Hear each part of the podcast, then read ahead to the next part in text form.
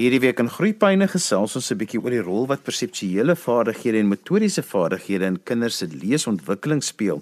My gas is Isabel Pretorius en sy's 'n onderwyskundige en ook 'n remedierende onderwyser. Isabel, jy het uit jou jare van onderwys gee agtergekom dat kinders baie keer sukkel met lees maar dan het dit eintlik te doen met ander goeters. Vertel bietjie vir ons. Weet jy Johan, ek het in die jare wat ek skool gehou het agtergekom dat uh, van die leerders of leerders word gestuur in vroeë jare nou um, na die arbeidsterapeute toe en so aan en dan kom hulle met wonderlike resultate terug. Jy weet die groot motories is goed ontwikkel, fyn motories is goed, maar dan kan 'n kind nog nie onderskei tussen klanke, jy weet uh, wat verskillend klink en anders klink en gedrag in die klas verbeter nie in die klas van ding. En dit het my te vreeslik aangegryp en op grond van dit het ek binne in die skoolsituasie verder gegaan en dit vir myself verbreek en te sien wat gebeur met hierdie kinders. En weet jy wat is vir my baie belangrik om te sien?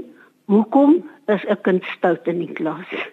Dit klink seker baie snaaks, maar ek wou weet, hoekom is 'n kind stout in die klas? Want ek dink nie mens kan regtig stout kinders nie. Behalwe as dit nou miskien by totale, jy weet, nes opvoeding kom of wat ook al. Maar uh, sommer stout wees, jy weet, iemand aan die hare trek as jy op die mat sit of iemand se pot van die tafel afstamp of lelik in jou broek boek skryf of jou boek onderste hoof vashou as jy lees. Dit is nie stout nie, Johan. Weet jy wat, dit is eina kinders. Dis die kinders wat sê eina juffrou hier staan, eina mamma, eina wie ook al met my help. Hier staan ek. Help my asseblief. Nou kan ons teruggaan uh, Johan. Ek het 'n boek geskryf getiteld Leespluisters ek spreek wel oefeninge aan vir perseptuele ontwikkeling want dit bly die hoeksteen eintlik waarop lees maar gebou is. Maar dan verder en hier kan die ouers 'n geweldige rol speel. Eintlik enige iemand wat met 'n kind werk oor perseptuele vaardighede. Jy weet, dit moet instinktief gebeur. Visuele vaardighede moet instinktief gebeur. Ruimtelik dit gebeur alles. Jy het nie tyd om te besluit by ruimte of jy weet wanneer is waar is my linkerhand of waar is my regterhand nie. En met die groot metodes watter spiere moet ek gebruik om my fyn metodes te gebruik om my potlood te kan optel nie. Daar's nie tyd in die klas vir al hierdie dinge nie. Dan kry mense kind wat in sy tas begin vroetel voor die klas en begin net bloot om die leersituasie te vermy wat gebeur dan? Dan kry hierdie ou raas omdat hy te lank in sy tas grou. En hy grou nie lank in sy tas nie. Hy's bang vir die leersituasie. Nou ek gaan gou vir jou die modaliteite deurhardloop by die auditiewe. 'n Ou moet kan diskrimineer. Ehm um, dit beteken baie platweg, maar net om te kan onderskei tussen klanke. Klanke, geluide en dan op die ou einde woorde en en sin. Voorbeeld wat ek vir jou kan gee vinnig vinnig is byvoorbeeld 'n ou ou wat nie kan diskrimineer nie. Uh auditief diskrimineer nie gaan byvoorbeeld nie die verskil tussen 'n k en 'n t hoor aan die begin van 'n woord nie. So kat word baie baie vinnig tak. Hy draai die nie laat draai die letters om nie verkeerde klank aan die eerste letter. En so ook dan ook aan die laaste letter. En dan gooi die middelklank in die weg nie. Hy hoor nie presies hoe hy klink 'n oi nie. So hy gaan hom verkeerd omskryf en dan ja, kom die ruimtelike by, daar kom een volging by. Dit is baie moeilik om dit net te identifiseer as dit of dit. Hy mag die ui verkeerd omskryf byvoorbeeld soos ons nou maar vir hulle geleer het, is die gaatjie vrou en dan die blommetjie plant. Jy kan nie eers 'n blommetjie plant as daar nie 'n gaatjie is nie. Deur middel van assosiasies kan mens dit verduidelik, maar dit is nog nie hulle eie nie. Dit moet absoluut hulle eie wees. Isabel, want ek wil nou juist vir jou vra oor hoekom gebeur dit dat 'n kind baie keer nie die verskil kan hoor tussen 'n te en 'n k nie? Johan, weet jy wat? Ek wil nou gou vir jou en, en jy moet maar die reageer as dit nie mag opwees nie. Uh, daar is nie so ding soos 'n k en 'n t nie. Dis 'n k en 'n t. Want 'n k het 'n e agteraan. Soos in die letters A B C D E F G, nou kom se dit. En t dieselfde. Hy word T in die in die letter af. As hierdie kind byvoorbeeld hierdie klank verkeerd hoor, soos b, dan kry jy die kind wat nou regtig 'n auditiewe perseptuele fout het. En hy moet die woord begin skryf. Dan laat hy die e uit. Dan die letter die letter onthou dit wat hy nou sien, praat hy van narratief nie. Die letter het is klaar soos wat vrug gesê dis 'n b en dit is nie wat hy behoort klink nie. Want sit 'n a langs die letter en dit word 'n ba of 'n b wat jy ook al langs sou sit. Dieselfde met al die ander proefklanke. So ehm um, advies wat ek kan gee is moet asseblief nie so gou as moontlik met die lettername probeer nie. Ons werk met klanke in Afrikaans. En as jy jou klank nie suiwer en reg gebruik en ek wil amper sê 'n bietjie wakker is en kyk wat jy met daai klank doen nie, dan veroorsaak 'n mens baie keer 'n probleem wat vir my kon gewees het. En dan bring dit my verder, ek gaan by lettername, die A B C D. Ehm um, as jy byvoorbeeld ek het eendag 'n winkel gekoop waar ouers vir die kinders 'n leesprogram wil aankoop. Toe die eerste een was 'n prentjie van 'n aap. En toe hulle baie opgewonde oor die mooi prentjies, hoor mooi, oor die mooi prentjies. Want kyk hierdie aap, a, hierdie aapie vir a. Dit kan nie wees nie, Johan. Dis 'n a, is 'n a en twee a's langs mekaar maak 'n a. So daarom is is die uh auditiewe vir my so belangrik. Ek wil net seker maak dat ek verstaan jou reg. As kinders se klankontwikkeling moet gebeur, is dit hoekom dit so belangrik is dat ons met hulle rympies en liedjies en sulke dinge doen want dis 'n natuurlike ontwikkeling van kinders se kennis van klanke. Ja, ja. Rympies en liedjies wat 'n mens, jy weet, enige vormpie wat of klankie wat jy wil aanleer jy kan dit in 'n in 'n rympie sit. En wat ook baie goed werk as jy met klanke spesifiek wil aangaan is wanneer jy dit ag nie met enige taalse woorde ek het sommer altyd gesê Chinese woorde dan praat jy van 'n urg en 'n do en so aan en die kind skryf net vir jou die klank wat hy gehoor het neer aan die begin aan die einde of waar ook al jy die ding gebruik want jy weet daar's basiese woorde wat mense gebruik soos byvoorbeeld op en os en so aan. Hulle ken naderhand die woorde.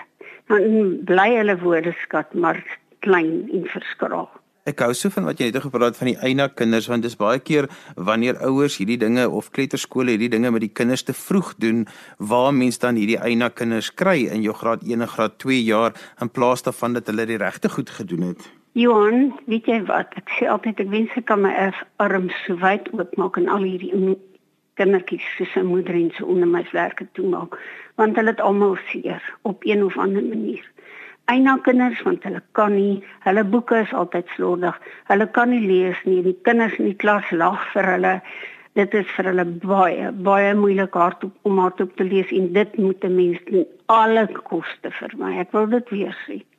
Hardop lees ten alle koste vermy voordat 'n leerder nie ten minste op sy eie ontwikkelingsvlak sy leesvlak kan funksioneer nie.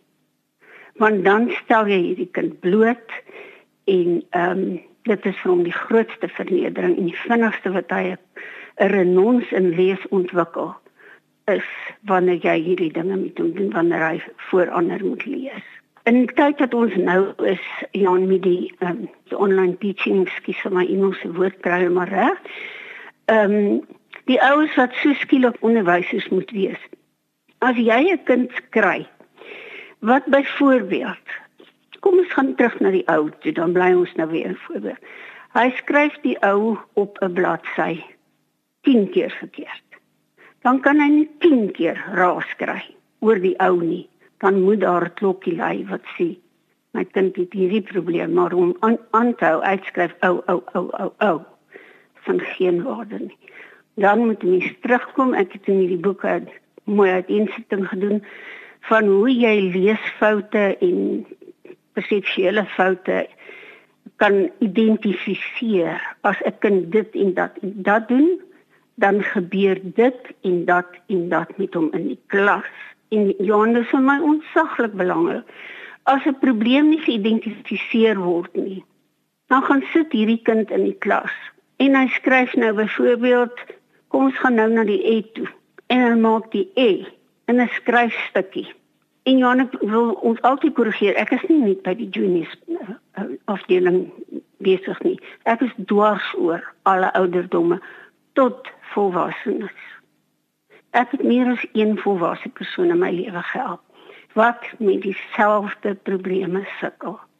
Hy kan nie die e elke keer onthou soos wat hy moet lyk nie. Hy staan onderste bo of agterste voor of iets is met die letter verkeerd. En as ehm um, die nasiener of die opvoeder of ma of pa wie ook al met die kind werk, net bietjie moeite doen en gaan stil staan en sien, maar hierdie kind maak hierdie e. Dis elke keer vir die e wat ek verkeerd merk. Hy gaan nie 30 keer op 'n bladsy 'n letter verkeerd skryf as hy nie 'n probleem met daardie letter het nie. So dit is waarom waarom dit gebeur.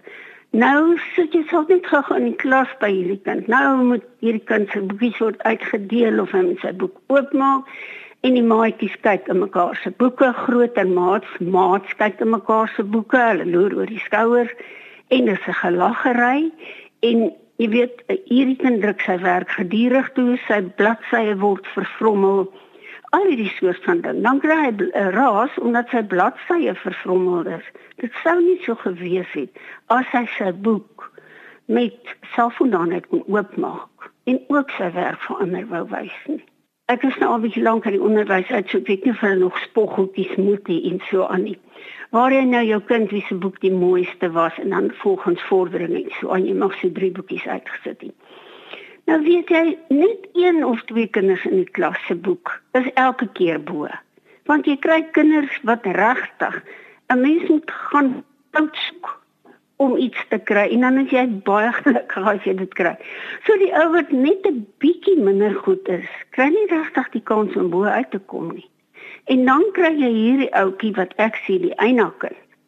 Hy probeer sy uiterste bes. Maar hy kry geen toekenning, geen erkenning daarvoor nie. Isabel ek wil bietjie terugkom na perseptuele vaardighede en motoriese vaardighede. Wat is die balans wat 'n mens moet kry want vroeër jare het ons mos nou altyd so 'n hele program met die kinders gedoen voor hulle begin lees sit en al daai dinge maar ehm um, deesdae doen ons dit nou nie weens baie goeie redes maar daar moet 'n balans wees daarin. Johan, neem aan jy verwys na die perseptuele daai eerste 13 weke van 'n kind se skoolloopbaan. Het hulle geklim en geklouter en gerol en gealles en baie mense kon nie die waarde daarvan sê besef nie maar dit is wat nodig is voor 'n kind kan begin lees en skryf. Nou wat ons daar gedoen het, kyk hulle het gestemies werke perseptuele program deur. Ek kan vinnig vir jou net noem. Nou wil ek net sê hierdie dinge gebeur nie bewustelik by 'n kind of by mense wat nie probleme het nie. Dit gebeur in 'n splitsekonde in 'n oomblik wat jy nie eers daaraan dink nie. Auditiewe diskriminasie jy moet kan onderskei tussen letters en klanke wat nie vir dieselfde is nie. So, as jy moet begin lees, gaan jy stotter, jy gaan vashak want jy kan nie sien en jy kan nie die klank bring by wat die letter wat nou voor jou staan nie. So jy hak vas en hulle is geneig om baie dikwels te klank. Hulle gee verkeerde klanke deur wanneer hulle lees of wanneer hulle skryf. Lees en skryf kan mens nie van mekaar af wegvat nie. En as jy nou een trappie verder wil gaan, Johan, kan jy die laaste een leer ook nie wegvat nie. Daarby kom nog woordsomme. Dit is alles wat ewe belangrik is en wat begin by perseptuele ontwikkeling. Maar daar is soveel inligting en weet jy wat ek vandag vir die ouers sê?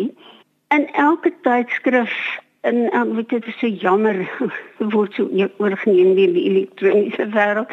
Maar in elk geval enige ding wat 'n mens jou hand op kan lê wat soek die verskille, soek vir Hansie wat wegkruip, eh, bring jy Hansie by die wortel uit. Jy weet, maak die helftes teen mekaar en jy weet helftes wat pas ensovoorts ensovoorts. Dat die kinders daai goed doen in plaas van skermtyd op hulle skerms of oor YouTube of wat ook al. Dis baie meer waardevol en dis baie lekker. Wie van ons sou nie graag gesoek nie baie vinnig en baie graag die verskil tussen prentjies uit nie. En dit is 'n baie goeie oefening vir vir byvoorbeeld visuele diskriminasie. En soos ek weer sê as die auditief bykom, dan as die kind nie die klank herken nie, dan gaan hy nie regtig weet hierdie is die klank wat hier voor my staan wat ek eintlik moet soek nie. Goed, kom ons gaan net aan die auditiewe voorgrond onder voorgrond agtergrond onderskeiding. Hierdie kind of leerder wat probleme het daarmee, hy moet eh, kan onderskei tussen klanke wat in die voorgrond gedoen word, klanke wat op die agtergrond gedoen word. Hy moet kan soos mens kan sien kan inzoom, ek kan dit seker nou maar vandag gebruik op 'n klank, op 'n woord wat in die klas nodig is of in die werksituasie nodig is, die leersituasie en as daar 'n geraas agterom is, veral van agteraf, maar ook van vooraf, dan kan hierdie kind nie daai klank in die hande kry nie. Hy kan nie onderskei nie. Hy reageer op teen al die ander klanke wat daar is. So dit gee vir hom daar 'n probleem. Kom hy in die klas en hy moet neerskryf, dan is dit weer 'n warboel van klanke en uh, hy krap vreeslik uit in sy boeke want hy hoor verkeerd en dan sy skryf dan sien hy nee okay dit lyk nie reg soos wat ek gesien het nie. Wat het ek nou gehoor? Dis 'n hoor en skryf Johan die hele tyd. Die volgende wat ons nou kan kyk is auditiewe analise en sintese waar die woord in klanke onderskei moet kan word. En dan weer in klanke bymekaar gesit kan word om 'n woord te vorm Nou hiervoor perseptueel moet 'n mens baie blokkies kan bou en legkaarte kan bou en goedjies wat bymekaar insteek en vas en so aan. Woorde wat 'n mens stukkend knip in letters en jy sit die letters deurmekaar en sê vir hierdie kind hoor wat ek sê vir my. So dis auditief wat moet doen. Hy moet dit neerpak, dan werk hy visueel. So die visuele en die auditiewe is die heel tyd met mekaar geïntegreer. Jy kan nie die twee van mekaar wegvat nie. So dan kry ons jou auditiewe geheue. Hierdie is 'n taai manier. Weet jy, hierdie kinders kan nie onthou wat hulle gehoor het nie. Hulle het regtig probleme. Dis nie luiheid of stoutheid of wat dit ook al genoem word nie. Party sukkel om die dae van die week te onthou. 'n Versie werk daar wonderlik. Vir ander werk 'n versie nie eers nie. Hy kan nie onthou wat hy gehoor het nie. So daar is baie herhaling en daar soos jy reg aan die begin van die program gesê het, rympies en grappies en raaisels en al die soort van dinge wat jy dit kan gebruik. Weet jy Johan, die die voorbeelde vir die soort is legio. As 'n ou net 'n geringe agtergrond het van wat aangaan. En as jy vir my is dit vir iemand wat reeds in die skoolsituasie is, is dit vir my belangriker om eers die probleem te kan identifiseer en te sê, goed, nou werk ek perseptueel aan hierdie en hierdie en hierdie ding, want in hierdie perseptuele modaliteit het hierdie ou probleme gehad by aanvangsonderrig. Isabel, ons tyd is verstreke, so ek wil net nog so 'n kort laaste gedagte van jou hê en dan ook hoe mense met jou kan kontak maak as hulle verder wil gesels. My selfoonnommer is 079 108 5870. En my e-posadres kan die maklikste een vir julle gee is gdpretorius@gmail.com www.rsg.com alles klein lettertjies net. So hulle is welkom om my by enige een van hierdie nommers te kontak. En so gesels Isabel Pretorius. Ons het vandag gesels 'n bietjie oor leesontwikkeling en sy het vir ons waardevolle wenke daarvoor gegee. Onthou jy kan weer na vandag se program luister as 'n potgooi. Laai dit af by resgep.co.za. Skryf gerus 'n my e-pos by groeipyne@resgep.co.za. daarmee groet ek dan vir vandag tot volgende week van my Johan van Lille. Totsiens.